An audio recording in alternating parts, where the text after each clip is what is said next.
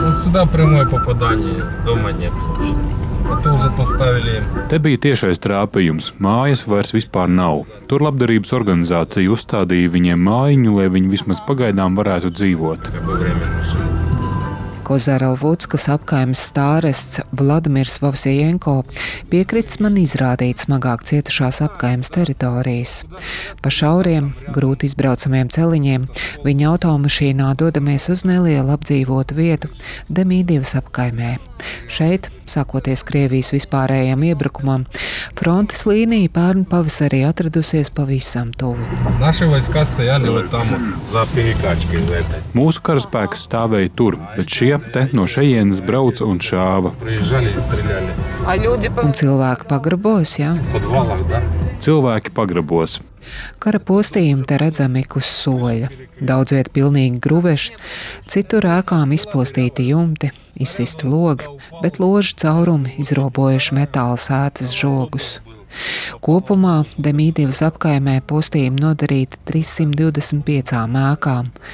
25 no tām pilnībā iznīcināts. Nu, skatieties, redzat, nekas nav palicis pāri.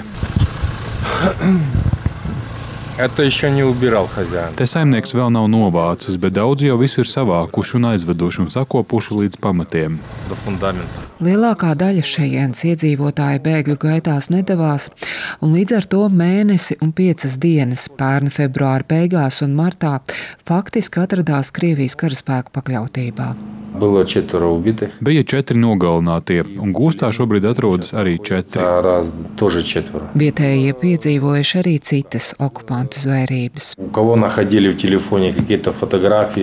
Kuriem telefonā atrada kaut kādas fotogrāfijas vai kaut kādu informāciju, tos savāca un aizved uz rūpnīcu Dimiros, un tur viņus spīdzināja, turēja vispār.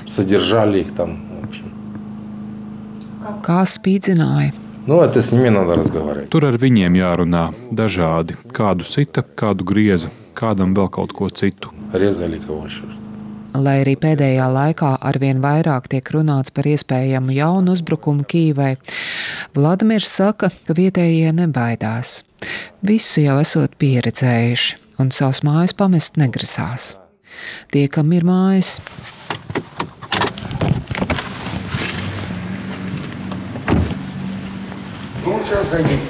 Nu, nāciet iekšā! pensijas vecuma kungs vārdā Jurko, kopā ar ciemas stārastu Aleksandru Meļņičenko aicina mani aplūkot viņam ierādīto dzīvesvietu modoļmāja ciematiņā Demīdivā. Ir boileris, ir karstais ūdens, ir augstais ūdens. Viss ir.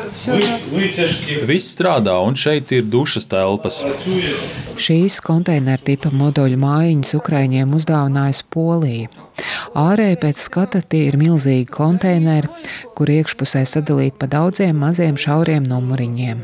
Katrā no šiem numuriņiem iekārtots viss nepieciešamais vienas ģimenes uzņemšanai. Jurko par jauno māju vietu ir priecīgs. Viņa paša māja pilnībā nopostīta. Nu,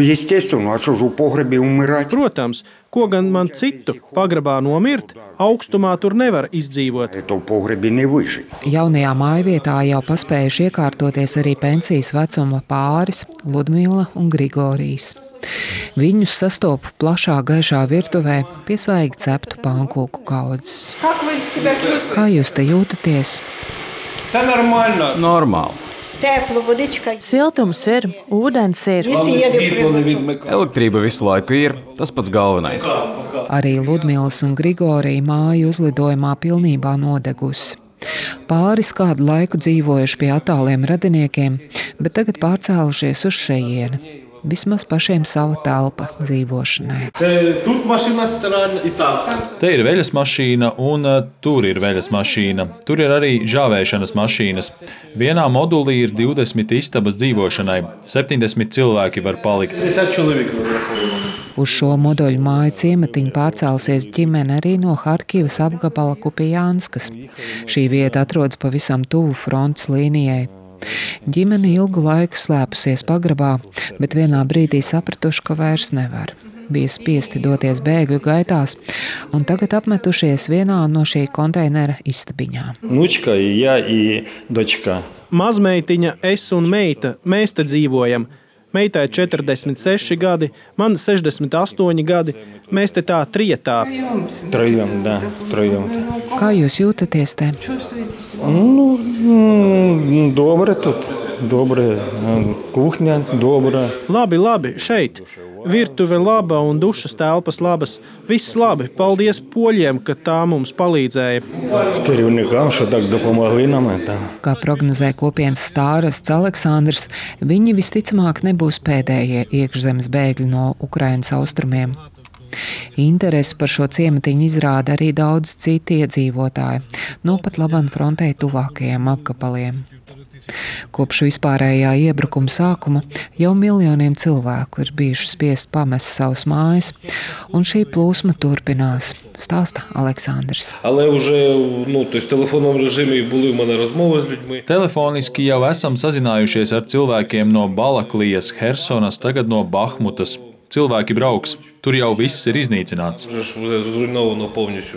Aleksandrs uzsver, ka šobrīd vietvarai svarīgākais ir palīdzēt iedzīvotājiem pārdzīvot šo grūtāko posmu. Pēc tam visus spēkus veltīs jautājumiem, kas saistīti ar īpašumu atjaunošanu vai celšanu no jauna. Pats galvenais, lai beidzas karš, pēc tam tiksim ar visu skaidrībā. Šīs apgājuma vietvarām liels izaicinājums sagādā ne tikai jautājumi, kas saistīti ar plašu iedzīvotāju un bēgļu izmetināšanu. Sākoties iebrukumam, lai pasargātu Kīvu, uzspridzināts dambis pie par Kīvas jūru dēvētās ūdenskrātuves. Ūdens apludinājis plašas apgājumas, tādējādi padarot šo pusi daudz grūtāk iekarojam ienaidniekam. Tomēr ūdens nodarīs postu arī vietējās apgājumas mājām aplūduši pagrabi. Kanalizācija nonākusi ne tur, kur tai vajadzētu būt. Vislielākā problēma ir tā, ka ciems apludināts.